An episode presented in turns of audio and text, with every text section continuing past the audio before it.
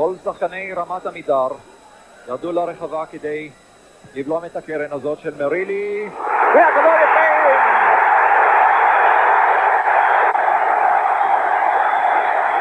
אחת אפס לחיפה.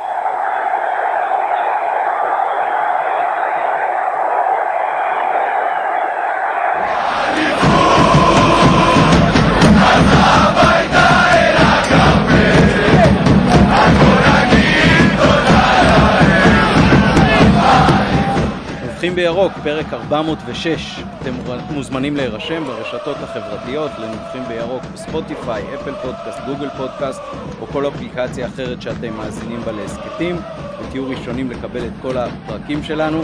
איתנו ערב uh, הפתעה, כמו שמתן uh, הבטיח בפרק הקודם. Uh, קפטן העבר של הקבוצה, ציון מרילי, מה שלומך? אהלן, ערב טוב, שלומי מצוין, תודה. נהדר, תודה רבה שאתה איתנו, אנחנו כבר uh, מאוד מתרגשים מהרגע שאמרת שתבוא ועד uh, עכשיו, ונקווה שנצלח את זה בשלום. Uh, איתנו הערב במיוחד מתי סינקרונה, אהלן מתי. היי, שלום שלום מתן, שלום ציון. שלום, ערב טוב. ומתן גילאור uh, גם איתנו כמובן, מה העניינים מתן? טוב, אני מתרגש פעמיים, בטח מציון וגם ממתי, כשהוא מגיע אלינו פעם ב... כן, יונתן אברהם נותן לנו את התמיכה הטכנית מאחורי הקלעים. בואו נצא לדרך. ציון מרילי שיחק בהפועל ירושלים כעשר שנים, הגיע למכבי בעונת 83-84 והיה בין הגורמים הבולטים באליפות הראשונה של המועדון, כולל בישול שער האליפות כמובן מול מכבי רמת עמידר מהקרן שאותה נגח משה סלקטר. בעונה לאחר מכן אליפות נוספת, בעונה שלאחריה אובדן האליפות מהנבדל המפורסם של אלי יאני והשער של גילי לנדאו והשריקה שלו באה מצבי שריר. זכה עם הקבוצה גם באליפות שלישית תחת אמציה לקוביץ' ב-88-89 ופרש בעצם ב-1990 עם חזרתו של שלמה שרף לאימון הקבוצה. בסך הכל 176 הופעות, 20 שערים, רובם בפנדלים, אבל גם בעיטות חופשיות אחרות. שש הופעות בנבחרת ישראל עם שער אחד, ואפילו עונת אימון בודדת בהפועל אשדוד. ציון, קראתי בריאיון שלקראת ההקלטה הערב, שבכלל היית אמור לעבור מהפועל ירושלים להפועל תל אביב. איך קרה שהגעת צפונה, ומאז בעצם גם נשארת כאן? אני אגיד לך, זה נכון מה שאתה אומר, בתקופה ההיא, אתה יודע, לעבור מקבוצה לקבוצה, זה היה כאילו, אתה יודע, מגבעתי להיות שקימיסט. זה לא, זה לא כמו היום שכשאתה רוצה לעבור קבוצה אתה רק אומר ואם יש קבוצה שקולטת אז אין שום בעיה. ונכון העניין שרצו להעביר אותי רק לקבוצות הפועל, זה היה התנאי שלהם, רק קבוצות הפועל. ומי שעזר לי בזה אז בזמנו זה היה חבר כנסת אה, עוזי ברעם שהוא אה, מאוד מאוד מאוד רצה שאני אתקדם. וכל ה... הרצון שלי לעזוב את הפועל ירושלים הוא לא נבע מזה שחלילה היה רע לי בירושלים, להפך היה לי טוב מאוד בירושלים, היה לי חוזים יפים בירושלים. העניין הוא שבירושלים כל שנה, ב- ב- בתחילת עונה, היו יושבים איתי והסעיף המרכזי מבחינתם, כמה מענק הישארות אתה רוצה. אני לא רוצה מענק הישארות, אני רוצה מענק אליפות. עכשיו מה אומר מענק אליפות? זה לא רק אם תיקח אליפות תקבל כסף, אין בעיה, זה לא האישיו. האישיו, כשאתה אומר מענק אליפות, אתה צריך לחזק את הקבוצה. ובהפועל ירושלים של אז, המרכזים של אז, מרכז הפועל, מרכז מכבי, מרכז בית"ר, מזה בעצם הקבוצות היו חיות כל, ה, כל השנה, זה היה התקציב משם, וכמובן מקהל, לא היו ספונסרים כאלה גדולים ולא היו בעלים בכלל. וכל הרצון שלי היה להגיע להישגים. רציתי לעבור לביתר ירושלים, ואז, כי ביתר הייתה אז קבוצה אה, בעלת תארים וקבוצה שמתמודדת על, על אליפות. בירושלים והיה... אני מניח באותה תקופה זה היה יותר הגיוני שתעבור למזרח ירושלים מאשר לביתר. בדיוק ככה, אמרו, אמרו לי מהפועל ירושלים לביתר ירושלים אתה עובר על אלונקה. אז אה, היה לי סירוב אה, ממש, ממש קשה. ובאיזשהו שלב uh, הייתה פגישה איתי בכנסת ישראל יחד עם מרכז הפועל, עשינו שמה בקפיטריה פגישה בין הנהלת הפועל ירושלים לבין uh, מרכז הפועל, יחד עם uh, עוזי ברעם, וישבנו שם לראות איך, איך אנחנו פותרים את הפלונטר הזה. ואז אה, החליטו שאני אעבור רק לקבוצות הפועל. אז אני עשיתי את החשבון בראש ככה בשקט בשקט, זה לא כמו היום שיש לך סוכנים, אז לא היה כלום. אז אתה דואג לעצמך, אז אתה עובר סעיף סעיף בחוזה ומתחיל לריב עם כל העולם ואשתו על סעיף כזה, סעיף אחר. היום זה אחרת, היום הסוכנים עושים לך את החיים קלים, ואתה אה, רק אה, מביע נכונות וזהו והכל נסגר. ובסופו של יום מוחלט שאני עובר רק לקבוצות הפועל. קבוצות הפועל זה רק הפועל תל אביב של אז, שהייתה קבוצה באמת טובה.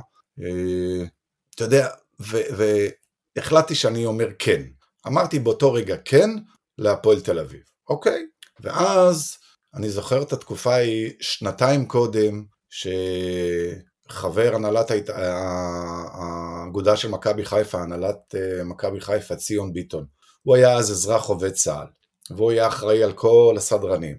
וכאשר הייתי בירושלים, הבחור כמעט אחת לשבועיים, הוא היה נהג D500, פעם היה D500 בצבא, אני לא יודע אם היום יש, אבל הוא היה בא עם האוטו הזה ועולה לי על המדרכה שם, היה לי עסק בירושלים, והייתי אומר לעצמי, עוד פעם הנודניק הזה מחיפה הגיע, זה משהו, והוא היה אומר לי כל הזמן, אתה תשחק רק במכבי חיפה, ותבוא לחיפה. הייתי הולך לאימונים של הנבחרת, זה לא כמו היום, פעם, היה פעם בשבוע אימון נבחרת ביום שני, שני אימונים, בוקר וערב, ואימון למחרת ביום שלישי בבוקר, והולכים, חוזרים לקבוצות. וגם בנבחרת הוא היה יושב שם עם דובון, חורף קיץ, יושב עם הכובע על הראש, ומתפלל שאני אגיע לחיפה. ואז קרה דבר מעניין, כשאני הסכמתי לעבור לפועל תל אביב, התחילו הפועל תל אביב לדבר איתי. ואז אני אמרתי, התקשרתי לציון, אמרתי לו, תקשיב, יש לי רעיון, אני עכשיו בתל אביב, אם תצליח להביא את ההנהלה שלך לתל אביב, אנחנו סוגרים את העסקה היום. לא ידעתי אפילו מה אני עושה. והם תוך שעתיים שלוש הגיעו לתל אביב, נפגשנו עם, ה, עם אה, ציון ביטון ועם היושב ראש צביקה ויצנר ופרדי שביט והיועץ אה, המשפטי של מכבי חיפה דני שירן. ועשינו הסכם. ואני עושה הסכם על דעתי ואסור לי לעבור למכבי חיפה. פשוט אסור לי, אסור לי בכלל לעבור, רק להפועל. עכשיו בהפועל לא יודעים שאני בכלל יושב עם מכבי חיפה. ולמה מכבי חיפה? ביום שקיבלתי את האפשרות אה, להשתחרר הייתי בתל אביב ראיתי את מכבי חיפה משחקת עם מכבי תל אביב בגביע המדינה 4-4 התוצאה המפורסמת. ואני יושב שם עם אח שלי, איציק הגדול ששיחק לפניי, ואני רואה את המשחק, ואני אומר לאחי, אלה עושים אליפות. ככה. אלה עושים אליפות על מכבי חיפה. הוא אמר לי, ציון, אל תתחיל, לא ייתנו לך לעבור, יהיה לך בלאגן. אמרתי לו, לא יודע, אני רק אומר לך, אלה עושים אליפות. ככה. זה המשפט שאמרתי. ולמחרת שנפגשתי עם ציון ביטון, וכל ההנהלה, יושבים ומדברים וחוזה וסעיפים ו ו ו ו ו בסוף בסוף בסוף מכבי חיפה חותמת על ההסכם. ואומרים לי ציון תחתום, אמרתי רק שנייה יש לי עוד סעיף. עוד פעם, וצביקה ויצנר, אתם מכירים אותו, הוא, מה אתה רוצה עוד? שילמנו לך כל כך הרבה. אמרתי להם אני רוצה מענק אליפות. זהו, אני רוצה מענק אליפות. עכשיו, אתה יודע, היה, היה, היה דממה בחדר, מהרגע שאמרתי שאני רוצה מענק אליפות, לתגובה שלהם, שקט. כולם אילמים. הם מסתכלים אחד על השני, ואני מהמימיקה, ככה שנראה לי מהפנים שלהם, אני מבין שהם אומרים, זה מטומטם, על מה הוא מדבר, איזה מנק אליפות, על מה פה, על מה שם, והם דיברו רומנית, אני לא הבנתי רומנית, ובסוף בסוף בסוף אומרים לי, טוב, כמה אתה רוצה מנק אליפות? אמרתי להם כמה אני רוצה מנק אליפות, ובאותה שניהם רשמו, אפילו לא התווכחו. אף אחד מהם לא חלם על אליפות. אני חותם על ההסכם, לוקח אותו, אחי אומר לי, יהיה לך בלאגן, יהיה לך בלאגן. קיצור, הוא צדק, אני קיבלתי אחרי איזה, ברגע שהם העבירו אותי ב, ב, בהתאחדות, אני קיבלתי עונש שבעה משחקים לא לשחק, בשל העבירת תקנון הזה של ההתאחדות. אגיד לכם את האמת, זה היה שווה. זה היה שווה. לא ידעתי מה יהיה. גם למכבי. כן, כן. וכשהגעתי למכבי, נסענו למחנה אימון, וכל ה... אתה יודע, התסכול, אמרתי עכשיו, מה, שבעה חודשים, שבעה משחקים אני לא אשחק? זה לא נעים. מכבי חיפה שילמה עליי המון כסף של אז, המון, בקנה מידה ענק של אז, ו... ואני רק מתאמן, רק מתאמן, רק מתאמן, רק מתאמן, ואני מתוסכל. ושלמה, לזכותו ייאמר, כל הדרך, וגם ההנהלה של מכבי, תמכו בי, כי זה היה לי מאוד קשה, הקטע הזה של אה, להגיע לקבוצה חדשה, היה באז גדול בקטע הזה, ווואלה, אני לא תורם שום דבר, אני רק מתאמן, יצאנו מחנה אימון, חוזר, מתאמן, ועוד משחק, ועוד משחק, ועוד משחק, והגיע המשחק השמיני שאני צריך לשחק, אוקיי?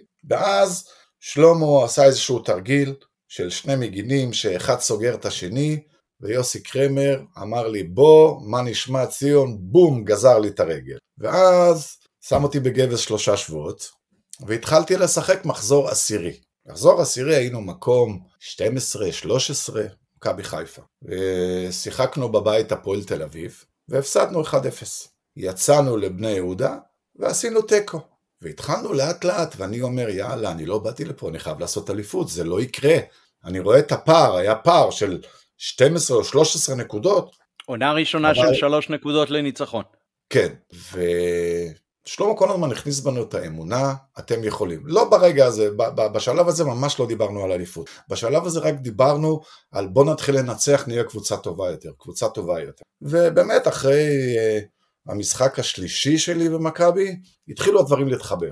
Uh, גם הגיע זי ארמלי מחזור עשירי, אז בכלל uh, היינו קבוצה התקפית מאוד. אני לא אשכח את הימים הראשונים שלי במכבי, שאני כל הזמן התקפי, אני כל הזמן חושב התקפה. אני רוצה שהחלוץ ישמור עליי ולא אני עליו. זאת אומרת, זה המוטו שלי. ואני כל הזמן למעלה, והם לא רגילים לזה, אומרים לי, בואי נא, איפה אתה הולך כל הזמן? אתה צריך להיות בהגנה. אמרתי להם, חבר'ה, ההגנה הכי טובה זה התקפה. לא יעזור כלום. אני ככה, זה, זה, לכן, לכן הגעתי הנה, לכן הבאתם אותי. ובאמת, לימים, התחלנו לצמצם את הפער לאט לאט, לאט לאט, תוך כדי הרבה פסיכולוגיה של שלמה, שהוא, אה, אתה יודע, נטע, נטע בכל השחקנים, כי מכבי חיפה הייתה בסך הכל אה, עם הרבה ילדים צעירים שעלו מהנוער, זאת אומרת, השחקנים הזרים, במרכאות, שהיו זה אני וזי. זאת אומרת, לא, לא מחו"ל, מהארץ אפילו, זה אני קורא לנו זרים שהיינו בתקופה ההיא. כן, גם, ו... גם הרוב... אה... לא רק אה, ישראלים תוצרת בית, אלא ממש מאותה קבוצת נוער בעצם. נכון, כולם מאותה קבוצת נוער. וקבוצה דינמית, קבוצה צעירה, קבוצה, קבוצה רעבה מה שקוראים היום. ואני הייתי בגיל, אה, הגעתי הנה בגיל 25, 25 וחצי, משהו כזה, הייתי הרבה יותר מבושל מהרבה הילדים שהיו במכבי חיפה, ושלמה אמר לי, אני מפקיד בידיך את חדר, את חדר הלבשה, אתה צריך לעשות לי סדר ולתת להם ולהכניס להם אמונה שאפשר הכל לעשות בכדורגל. אמרתי לו, אתה צודק, בשביל זה אני הגעתי הנה. אם לא הייתי מאמין שאפשר לעשות הכל בכדורגל, הייתי נשאר בירושלים, היה טוב לי, טוב לי, אני עזבתי בירושלים באמת משפחה והמון המון המון חברים, ובסופו של דבר זה הכל השתלם, כל האוהדים, ברגע שאני עברתי מירושלים לחיפה, וכשעשינו את האליפות, הרבה אוהדים מירושלים, של הפועל ירושלים, הפכו להיות אוהדים של מכבי חיפה. וזהו, זה פחות או יותר הסיפור שלי, המעבר, אני לא אגיד אה, תמוה בכדורגל, אבל המעבר המשוגע הזה, משוגע. אתה יודע, פעם הדרכים ב- ב- להגיע לחיפה, זה היה סיוט, זה שלוש או שלוש וחצי שעות בכבישים. אני כשהייתי צריך לשחק נגד מכבי חיפה עם הפועל ירושלים, היינו, כשהיינו צריכים לצאת uh, לחיפה, סיוט של החיים. סיוט של החיים להגיע לחיפה. ואתה משחק, ואם ניצחת, אז עוד איכשהו הדרך בסדר, עוד איכשהו. אבל אם הפסדת, אוי ואבוי. סיוט. אבל... חוץ אה, מהמוטיבציה, חוץ מהמוטיבציה ש, ששלמה שרף אה, נטע בעצם בקבוצה בעונה ההיא, איך היית מאפיין את ההבדלים בין אה, הקבוצה שעזבת בעצם בירושלים למכבי באותם ימים? תראה, אה, כשהגעתי למכבי חיפה היא הייתה קבוצה הרבה הרבה הרבה יותר מסודרת מהפועל ירושלים. הפועל ירושלים אה, היו תמיד בעיות של, אה, של תקציב, תמיד בעיות של תשלום למשכורות של שחקנים, תמיד היו צרות כספיות. הגעתי לחיפה, וואלה, אתה יודע, אתה... הכל בסדר. ואני מתפלא, אני אומר, לא יכול להיות שהכל בסדר, זה משהו לא בסדר שהכל בסדר. ו...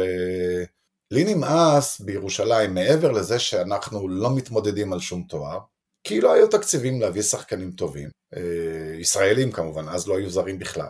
והשאיפות של ההנהלה או של המרכז לא, לא היו בשמיים, זאת אומרת, יאללה, תישארו בליגה, הכל טוב, תישארו בליגה, הכל טוב. לא, אני לא רוצה להישאר בליגה, אני רוצה, אני רוצה ל, לנשום אוויר פסגות. אה, לשמחתי, אישרו לי ללכת, אתה יודע, זה היה נדיר ששחקן, כוכב של הקבוצה, אני יכול להגיד היום, כאילו, בצניעות, שהייתי שחקן טוב בהפועל ירושלים, מצוין אפילו, שייתנו לי, שישחררו אותי בגיל 25, זה היה הזוי, אבל אני אומר, שוב, אני מודה לעוזי ברעם, אם לא עוזי ברעם, אין לי סיכוי היה לצאת ולהתקדם ולא היה לי סיכוי לזכות באליפויות עם מכבי חיפה. אז הכל בזכותו, הרבה בזכותו של עוזי ברם, שבאמת אפשר לי להתקדם, כי כל הרצון שלי היה להתקדם, רק להתקדם בספורט. עוזי היה אז uh, הפטרון של הפועל ירושלים. עוזי היה הפטרון של הפועל ירושלים. כן. וחבר כנסת. נכון. ואתה עובר למכבי חיפה, זוכים באליפות ראשונה, כן, אז, בשנת כן. 84, בשנת 85, עוברים לשחק בקריית חיים, ואז אני חושב אתה נותן את העונה, אחת העונות הגדולות שלך, אם לא הגדולה ביותר. כי התרגלתי לאנשים, התרגלתי לקהל, התרגלתי לשחקנים, התרגלתי לכולם, זה היה מדהים. אתה נכון. גם באותה עונה אה, תופס, אה, או אחרי אותה עונה, תופס את המקום שלך בנבחרת, במסע לאוסטרליה. אה, בנבחרת שאתה היית, אה, אה, יצא לך לחיות לא רק בצל של אחיך בתור ילד, בתור אה, שחקן נבחרת גם דוד פיזנטי היה אז אה, המגן השמאלי של, הנבחרת, קצת על היריבות וקצת על ה... תראה, הנבחרת זה סיפור, מבחינתי הוא סיפור עצוב, ואני אגיד למה הוא עצוב.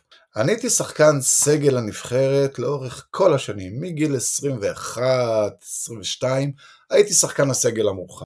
אבל הייתה לי בעיה עם זה. עם, ה, עם הנבחרת. ואני חושב שאז כתבתי את זה בעיתון באיזשהו שלב שאמרתי אני לא רוצה לשחק יותר בנבחרת ישראל, כי אני כעסתי על כמה דברים. כמו שאמרתי לכם בהתחלה, אה, אז בנבחרת היה כל שבוע אימון נבחרת. זה לא כמו היום שברגע שיש איזשהו טורניר, אז מזמינים את הסגל שבועיים שלושה קודם ומתאמנים ועושים גיבושים וכולי.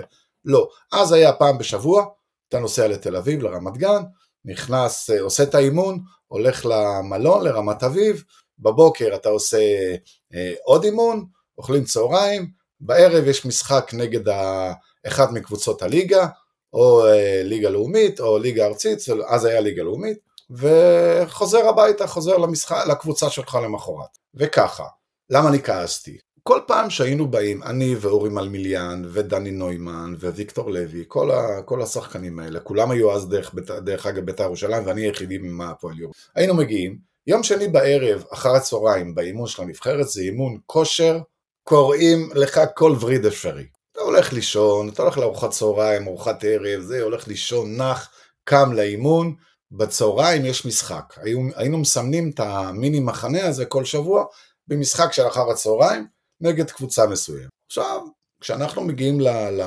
למשחק הזה, כל, רוב השחקנים, אני לא אגיד כל, אבל רוב השחקנים של הפועל תל אביב ושל מכבי תל אביב אז, ביום שני כשהיה אימון כושר, הכל כואב להם.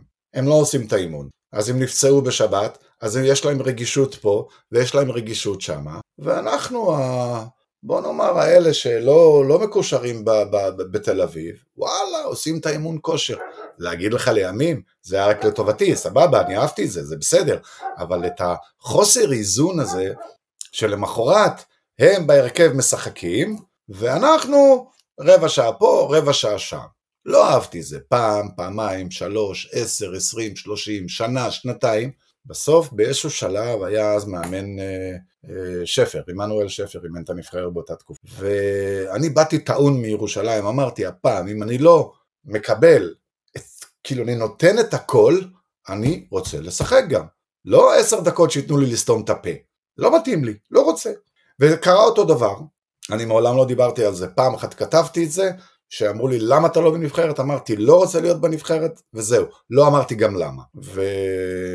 ראיתי שאני לא בהרכב, הלכתי לעמנואל שפר, לספסל, אמרתי לו, תודה רבה לך על כל הימים הלא יפים, שנה, הלא נעימים שהיו לי פה, לא רוצה להיות בנבחרת ישראל, והלכתי. וככה גמרתי את הסיפור שלי בנבחרת, נדמה לי איזה שנתיים או שלוש, שלא רציתי להשתייך לסגל, וכשהגעתי לחיפה, זה התחדש. אז היה מנהל, מנהל הקבוצה, מנהל הנבחרת, אה, זכרו לברכה, שהלך לעולמו, דרורי, אה, שדיבר איתי כמה פעמים והגיע לחיפה וישבנו לארוחת צהריים וניסה לשכנע אותי והסביר לי שעכשיו יש דברים חדשים. זה לא יקרה וזה לא יקרה. אמרתי אוקיי. ואז שיניתי את הגישה שלי לגבי הקטע הזה וחזרתי להתאמן עם אחרת.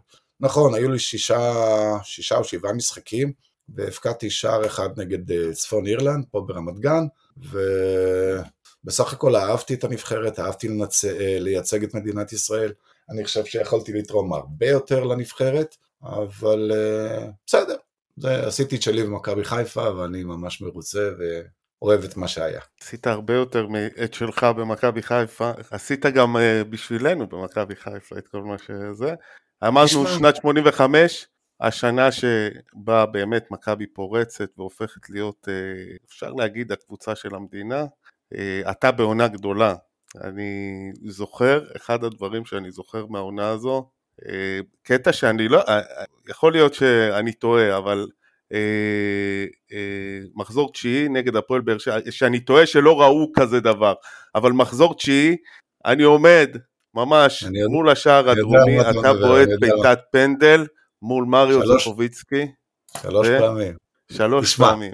מריו, זכרו לברכה, מריו, הוא היה, שיחק איתי בפועל ירושלים, והוא היה איתי שלוש שנים או שנתיים עד שאני עזבתי, אז הוא מכיר כל פסיק בי, ועבדנו, הייתי, הייתי עובד איתו המון על פנדלים, והייתי בועט אחרי אימונים פנדלים, הייתי הפנדליסט של הפועל ירושלים, וכאן כמובן פנדליסט של מכבי חיפה, אני לא הפסדתי, לא פיקששתי הרבה פנדלים בחיים שלי. והגיע המשחק הזה עם הפועל באר שבע, ומריו ניצב מולי, ווואלה, אמרתי שאני לא משנה פינה. לא משנה פינה. הסתכלתי על מריו, ובעטתי לפינה הרגילה שאני אוהב לבעוט, לפינה השמאלית של השוער, זאת אומרת לפינה הימנית ש... שלי עם רגל שמאל, והוא עצר, והכדור חזר אליי, ועוד פעם בעטתי לשער את, ה... את, ה... את הכדור, והוא עוד פעם עצר, ורק בבעיטה השלישית התעצבנתי ובעטתי בום ועולה לשער והכדור נכנס לחיבור ואז היה, והפקעתי את השער הזה. וזה היה פנדל באמת שלא נראה, זאת אומרת, שאתה בועט את הפנדל ואתה לריב, אתה קופץ על הריבאונד, אתה מגיע בפעם ראשונה, בפעם שנייה, פעם שלישית אתה מכניס, וכל השחקנים מסביבך, והכדור רק מגיע אליך. ו... ציון, כן, אני, אני, אני, אני, אני אגיד לך משהו, שאני בזיכרון שלי, זה היה שלוש פעמים, ובפעם כן. הרביעית הפקעת, הרביעית. עכשיו אני אמרתי, יכול להיות שאני מגזים. ואז לא, הלכתי שלישית. לבדוק. שלישית. ולפי מה שכתוב באתר של מכבי, זה בפעם הרביעית. אני... לא, תראה, יש, יש הרבה דברים שהם כתובים שהם לא נכונים, כמו ש... הם לא מדויקים, לא שהם לא נכונים, לא מדויקים. אני, מה שאני זוכר זה, זה שלוש פעמים, בסדר? אם זה ארבע, בסדר, אין בעיה, אבל אני זוכר שלוש פעמים. כמו ש... אה, כתוב באתר שאני אימנתי את אה, הפועל, הפועל אה, אשדוד. לא, אז אימנתי הרבה קבוצות אחרי, אימנתי את בית"ר נתניה, אימנתי את הפועל אשדוד, אימנתי את הפועל ירושלים, הייתי מנג'ר של הפועל ירושלים כשיוסי מזרחי אימן אותם, ואחר כך אימנתי את, בליגה א' אסי גלבוע שנתיים וחצי, ואז אימנתי את, את נו, שפרעם, אימנתי, אימנתי, עברתי, עברתי את הכדורגל. איפה נשברתי ברמת אימון, אני אגיד לכם. אה, אתה יודע, היום אם אה, איזשהו מאמן יאמן איפשהו, והבעל הבית שלו ינסה להכתיב לו וינסה לדאוג שהילד שלו ישחק, או הזה שלו ישחק, אז יקומו עליו התקשורת, וזה בשניות בעיתון, וזה בשניות בכל, ולא יודע מה יקרה, אבל כולם ידעו מזה. אני יכול להגיד ש... הייתי חשוף בחלק מהקבוצות לדרישות מטומטמות לחלוטין, של uh, הבן של ראש המועצה, הוא משחק אצלך בקבוצה, ועכשיו יש בחירות, ואבא שלו מבקש שתיתן לו יותר לשחק, טי טה טו טו, ראש העיר פונה אליי, ואני אומר להם, חבר'ה, אתם מדברים, על מה אתם מדברים בכלל? אז בשביל מה הבאתם אותי? בשביל מה אתם רוצים שאני אהיה? היה באסי גלבוע, דני עטר שהוא חבר, קודם כל חבר, שאני מכיר אותו המון המון שנים, מתקשר אליי, אנחנו יושבים, אומר, תעשה לי סדר, אני רוצה סדר, אין לי סדר בקבוצה הזו. אני מגיע לשם, עושה לו את הסדר שלו, מתמודדים על העלייה, ופתאום יש לי בקשה מוזרה מסגן ראש המועצה. מה קשור ראש המועצה? ואני סירבתי, וסירבתי, וסירבתי, ונדמה לי או ארבעה או חמישה משחקים לפני תום העונה, שאז היה בחירות בנובמבר, אמרתי לדני, דני, אני מוותר לך על כל מה שאתה צריך לשלם לי, אני פשוט לא מקבל את הדרך הזו, אני הולך הביתה, תודה רבה על הכל, אוהב אותך.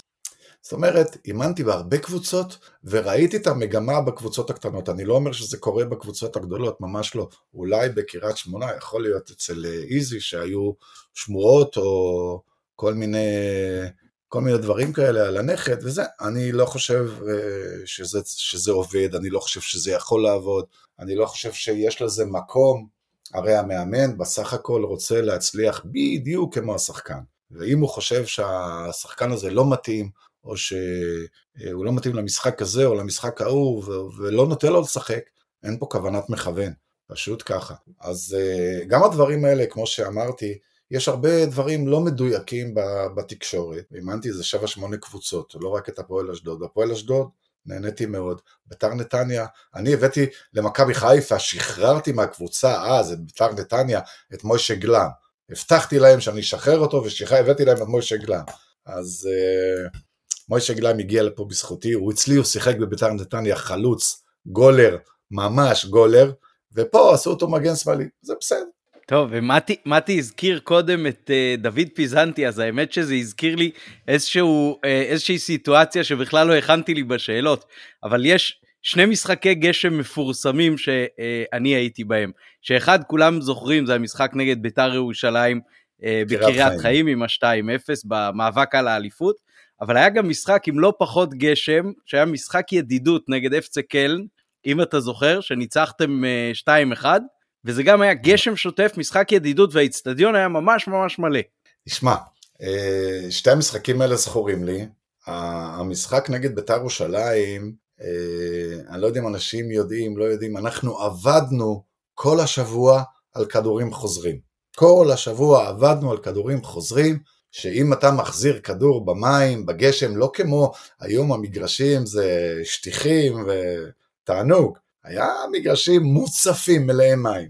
ואני זוכר את, ה, את הרגעים לפני המשחק, אה, שפט אה, אשכנזי אם אני לא טועה, והוא, אה, ביתר רצו לבטל את המשחק, לדחות אותו, התאים להם לדחות, ולנו לא התאים, כי אנחנו עבדנו על, ה, על כל הבוץ והמים כל השבוע. כל השבוע עבדנו על זה שמחזירים כדור וממשיכים לרוץ לכיוון הכדור. ולא התאים לנו ל- ל- ל- לבטל את המשחק.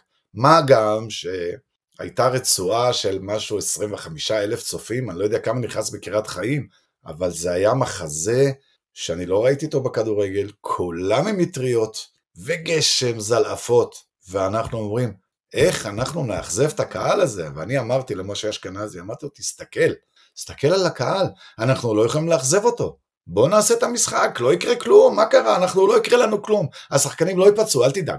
אם אנחנו ניפצע, אני אפצע במשהו אחר. ויצאנו למגרש, והוא מקפיץ את הכדור לראות אם הכדור יחזור, או שהוא נתקע במים. עכשיו, הכדור נתקע לו במים, ואמרתי לו, אתה רואה? הכל בסדר. לקחתי את הכדור ונתתי לו. ובאמת הוא אישר את המשחק, והמשחק הזה התאפיין, ואני אומר לכם, באמת, אנחנו שבוע שלם עובדים רק על חזרת כדורים בתוך המים. כי ידענו שיקרה משהו כזה. אבל אתה צריך להיות ערני לדברים האלה בשביל להגיע. ואז קרה מה שקרה עם הכדור הזה, עם הגול הראשון. אה, אה, הכדור שנתקע, ואבו קראט רץ, ואני צועק לו מאחורה, רוץ, רוץ, רוץ, ואני רואה שהוא מגיע. ועמד הוא לא כזה מהיר, אבו קראט הוא לא כזה מהיר, אבל הוא עקשן, והוא הגיע לכדור, וההיסטוריה היא היסטוריה. כן, עוד אחד מהקרבות המפורסמים מביתר ירושלים היה משחק אה, רדיוס באליפות הראשונה בנתניה, עם uh, רדיוס בלי קהל שהיו אלפיים איש מסביב, זה משהו שאני ממש מהילדות, אבל לא, לא שוכח את זה. עמדו שם בכל מקום, איך, איך אתם כ, כקבוצה בכלל הסתכלתם ו, ותהיתם על הדבר הזה? זה, אני חושב שזה היה ממש נקודת מפתח בדרך לאליפות שם. זו הייתה נקודה באמת קריטית ובאמת נקודת מפתח, אבל אני יכול להגיד לך משהו שלא דיברנו על זה אף פעם. אנחנו, כשהגענו למלון, ביתר ירושלים היו באותו מלון שלנו. ביחד, היינו ביחד. איפה ידענו שאנחנו מנצחים את המשחק? שדוביץ' שווייצר לקח את כל הקבוצה שלו ואמר להם, אתם לא יוצאים מהחדרים. אני לא רוצה שאתם תהיו בקשר איתם בכלל, שום דבר. תישארו בחדרים שלכם. באותו רגע ידענו שאנחנו מנצחים את המשחק. שלמה כינס אותנו, ועשינו אספה, אתה יודע, ערב קודם, והוא אמר, אתם רואים את הפחדנים? הם בתוך החדר. אתם תנצחו מחר. אנחנו ידענו שאנחנו מנצחים את המשחק הזה, אתה יודע, זה, זה נדיר להגיד לפני משחק, אנחנו מנצחים את המשחק, אנחנו יודעים שאנחנו מנצחים אותם. הם כל כך חששו מאיתנו ולא רצו שום קרבה איתנו, וזה באשמתו של דוביד, אני חושב שהוא טעה בגישה הזו, אה, וכן, ניצחנו את המשחק. זו הייתה חוויה מטורפת ללא קהל, עם הרבה קהל. כאשר הביאו, ראיתי שם מנופים וראיתי אנשים בתוך הבתים, על הגגות, זה היה מטורף. זה היה מטורף. כן, אפילו על העצים. כן. מה באמת היה מיוחד, מיוחד לדעתך בשלומו שהצליח uh, לקחת את מכבי, שהייתה מוכשרת גם בשנים לפני כן, אבל, אבל פעם ראשונה להביא אליפויות בתחילת האייטיז, אתה, אתה נותן יותר קרדיט לצד הפסיכולוגי של ההכנה שלו, או למשהו טקטי, או למשהו בעין המקצועית שלו? איפה, איפה לדעתך עיקר החוזקה היה? תראה, החוזקה של שלמה הייתה בעיקר, בעיקר, בעיקר, בעיקר, שהוא יודע אם הוא רוצה ממך משהו, הוא יכול להוציא אותו, את המשהו הזה. אם זה יבוא בחיבוקים, בנשיקות, בליטופים, בלהתקשר אליך הביתה כל רבע שעה ולהתייעץ איתך בכאילו, הכל בכאילו, רק בשביל לתת לך הרגשה שאתה מלך. רק בשביל לתת לך הרגשה שאתה מחר טורף את המגרש. וזה לא ששלמה לימד אותנו כדורגל אחר, אבל כן הוא הכניס בנו את, ה... את היכולת, את הרצון. אני חושב שהייתי ה... הפה שלו בתוך חדר הלבשה ובתוך המגרש, כי באמת הייתי יותר בוגר בתקופה ההיא, אני עברתי המון המון עם הפועל ירושלים בקטע של אה, הישרדויות ו- ומלחמות וקרבות ולהסתכל בלבן שבעיניים לכל, ה- לכל מי שאתה משחק מולו ו- וזו הדרך שלא הייתה, לא, שלא נפחד מהיריב, שהשחקנים לא יפחדו מהיריבה ולראיה היה איזה קטע שבאנו לשחק עם מכבי תל אביב בבלומפילד, שם ניצחנו 3-2, ששם היה המפנה הגדול שלנו. אה, הגענו עם האוטובוס לבלומפילד, ואז אחד השחקנים רואה את השחקנים של מכבי תל אביב, יורדים מהאוטובוס, והוא צועק באוטובוס, הנה זה, והנה זה, והנה ההוא, והנה ויקי פרץ, והנה זה, והנה זה. שלמה, ואני הסתובבנו, כולם הסתובבו, הוא אומר לו, תגיד, מה, אתה דפוק? שיסתכלו עליך ויגידו, הנה זה, הנה זה, הנה זה. ואז באוטובוס הוא צעק, וזו הייתה דרמה מבחינת השחקנים הצעירים, וכשאנחנו עלינו למגרש, יצאנו כמו מלוע של תותח, כאילו שנייה לפני הוא הזכיר לנו מה קרה באוטובוס, הוא היה פסיכולוג, שנייה לפני הוא הזכיר לנו מה קרה באוטובוס, ועם זה תצאו לשחק. הרי הוא לא יכול ללמד לך כדורגל חדש, אין דבר כזה כדורגל חדש, את הטקטיקה, מי שומר על מי, כל אחד יודע, כולם יודעים מה הם צריכים לעשות, אתה רק צריך להסתכל בלבן של העיניים. ומאותו ניצחון שניצחנו 3-2 את uh, מכבי תל אביב, זהו, היינו קבוצה אחרת. קבוצה אחרת ברמת, ה, ברמת החשיבה על הכדורגל, ברמת הלהסתכל ליריב בעיניים ולא לפחד ממנו, לא לעשות לו חשבון בכלל. לכבד אותו, אבל לא עושים חשבון, רוצים לנצח, לא עוזר כלום, שום דבר. ופה אני חושב שהתרומה הגדולה ביותר של שלמה הייתה הקטע המנטלי, הקטע האישי שהוא היה מחבק שחקנים שהוא היה רוצה אה, נניח טיפה להרים אותם, טיפה להרים אותם, הוא ידע לעשות את זה, וכמו שאני אומר, ואני אומר כל הזמן, מה שלמה חלם בלילה, אנחנו ביצענו לו ביום. עכשיו, ביצענו את זה לא כי רק אנחנו, כמובן שגם הוא, איזה שאלה, אבל הוא היה טקטיקן, הוא היה, הוא היה תחמן, תחמן, זאת אומרת, הוא היה חכם, תחמן, הוא היה מתחמן אותך. אני אתן לך דוגמה למה אני אומר תחמן. נסענו לשחק באימקה, נגד בית"ר ירושלים, וכל השבוע הוא חיבק את שלום לוי ונשק אותו, ואני חושב שהוא אפילו ישן איתו. ואמר לו, אתה מנצח לי את המשחק, רק אתה, אתה, אתה, שלום היה בשמיים. אנחנו יוצאים למלון, טה-טה-טה, עושים את האספה ביום שישי, הכל בסדר, כולם בטירוף, מגיעים למשחק, הוא עושה את ההרכב, שלום לא בהרכב.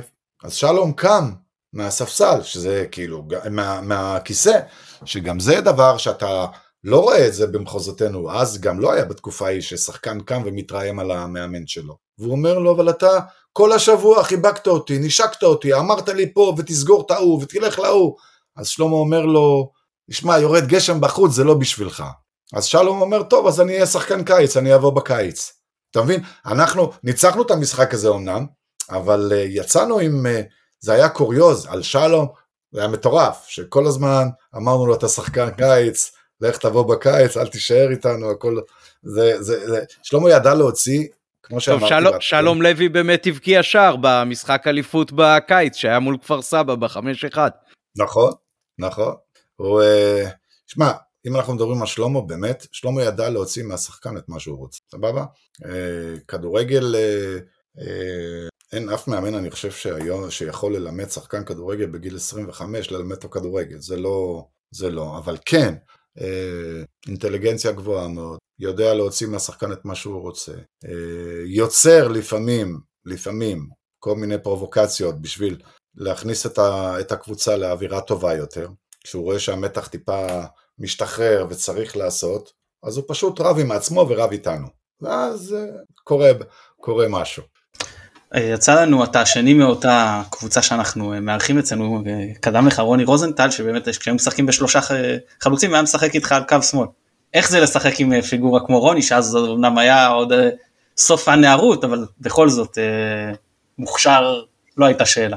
תשמע, רוני, רוני היה שחקן מוכשר מהרגע הראשון שאני ראיתי אותו, עם המון המון המון כוח, המון מהירות, אבל הרבה פיזור, הרבה מפוזר, מאוד מאוד מפוזר. אה, מגיע לשער עם המון המון מצבים, והוא צריך איזה עשר מצבים בשביל להפקיע אחד. ולא לחינם, אני, אני זוכר שאמרו לי כשאני הגעתי לחיפה, שהם החזירו את רוני כי רצו לזרוק את רוני לשפרעם, או אני לא יודע לאיזה קבוצה, רצו לשחרר אותו. וקודם כל זה תענוג לשחק ליד אחד כזה שאתה נותן לו כדור, הוא שומר, הוא כמו, הוא כמו, אה, כמו שחקן חלוץ תשע אמיתי, יודע לשמור על הכדור עם מהירות וסיבוב מטורף עם רגל שמאל טובה. אבל להגיד לך, רוני רוזנטל, משה סלקטר וזאי ארמלי זה שלושה חלוצים שהיה תענוג לשחק ליד. תענוג. אני חושב, ש, אני חושב שבישלתי לזאי ארמלי ולסלקטר ים של גולים. לא עשו שף, שף אמיתי, ים של גולים. Uh, עד היום אנחנו מדברים, זי ואני, על כל מיני משחקים כשאנחנו מד... מתראים, שבישלתי כזה והפקעתי לו כזה ונתתי לו ככה. שמע, אני יודע שאם הייתי נותן כדור לזי וכדור מדוד, הוא יגיע והכדור אצלו ואני לא דואג. שתי רגליים, משחק ראש, כוח מתפרץ, מטורף. אותו דבר רוני. רוני, למעט ה... ה... הוא היה מפוזר בבעיטה האחרונה. כשהוא היה מגיע לרחבה. הוא היה חזק מאוד, הוא יכול להרים עליו שחקן על הגב ולרוץ איתו יחד עם הכדור. ולשחק עם שלושה חלוצים כאלה, זה מבחינתי הייתה חוויה אדירה, אדירה אדירה. היה כיף, פשוט כיף. היינו משחקים שלושה חלוצים, שני קשרים התקפיים ושתי מגינים תוקפים. גם אני וגם איתן, לפעמים שנינו ביחד היינו עולים, שזה נוגד לכדורגל, שאם אחד עולה השני צריך לסגור, אבל היינו עולים ביחד, היינו דורסים את הקבוצות. אתה יודע, היו מצבים שבאיזשהו שלב היינו, היינו כאלה, תן להם שייתנו גול, אנחנו נתעצבן, ואנחנו נפקיע שלושה ארבעה שערים. ככה זה היה המוטו. אנחנו בחדר הלבשה לפני משחקים, היינו ככה מדברים בינינו, מי יפקיע, כמה יפקיע, איך נפקיע, מה נעשות, נעשות ככה מהצד הזה או מהצד ההוא. שמע, לא, אתה לא תשמע את זה היום בכדורגל, אז היינו מדברים על זה. אז היינו אומרים, אנחנו ננצח, אל תדאגו, עזוב, אנחנו יוצאים מנצחים, שלוש, ארבע, בואו נקבל גול, נתעצבן שהקהל ירגיז אותנו ואנחנו נצא ניתן עוד גולים. זה, זה, אתה יודע, זה היום, אתה לא תשמע דברים כאלה, וזה כן, זה היה. כמו שאמרת, שלושה חלוצים, שנייה, שנייה, כן. שלושה חלוצים, שני קשרים התקפים, מגינים תוקפים, ובכל זאת זוכים את עמד בגלל אותו שער בגשם, במקום העבודה שהוא עשה לאורך שנים במרכז הקישור, לעצור את כל ההתקפות שכולם למעלה. תשמעי, עמד, עמד, מבחינתי ומבחינת איתן, זה היה, זה היה נכס. כי היינו צ... מקבלים את הכדור וצועקים לו, עמד תסגור. לא יודעים מי, לא יודעים מה, אנחנו סומכים עליו, הוא נשאר שמה והוא שומר. עמד לא היה מפקיע הרבה שערים, אני לא יודע כמה שערים יש לו, אבל אה, לפי דעתי מעט תשע, מאוד. תשע, תשע. כן, כל הקריירה. תשעה. כן. והשער הזה, עד היום הוא רץ, הוא עוד לא הגיע, עד היום, עד היום הוא רץ. ועמד הוא היה, היה תענוג, הוא היה שש, שש, שבע, שמונה, תשע ועשר, מה שאתם רוצים. הכל הוא היה, הכל הוא היה, היה מטורף. והוא היה עקשן, והוא היה נדבק למישהו, לשחקן שמאמן אומר לו, הוא לא עוזב אותו, והיו אומרים לו, לך מפה יא קרצייה, הוא אפילו לא מגיב, הוא אפילו לא מגיב. הוא היה שחקן שכל מאמן לפי דעתי היה רוצה שיהיה לו אחד כזה בקבוצה.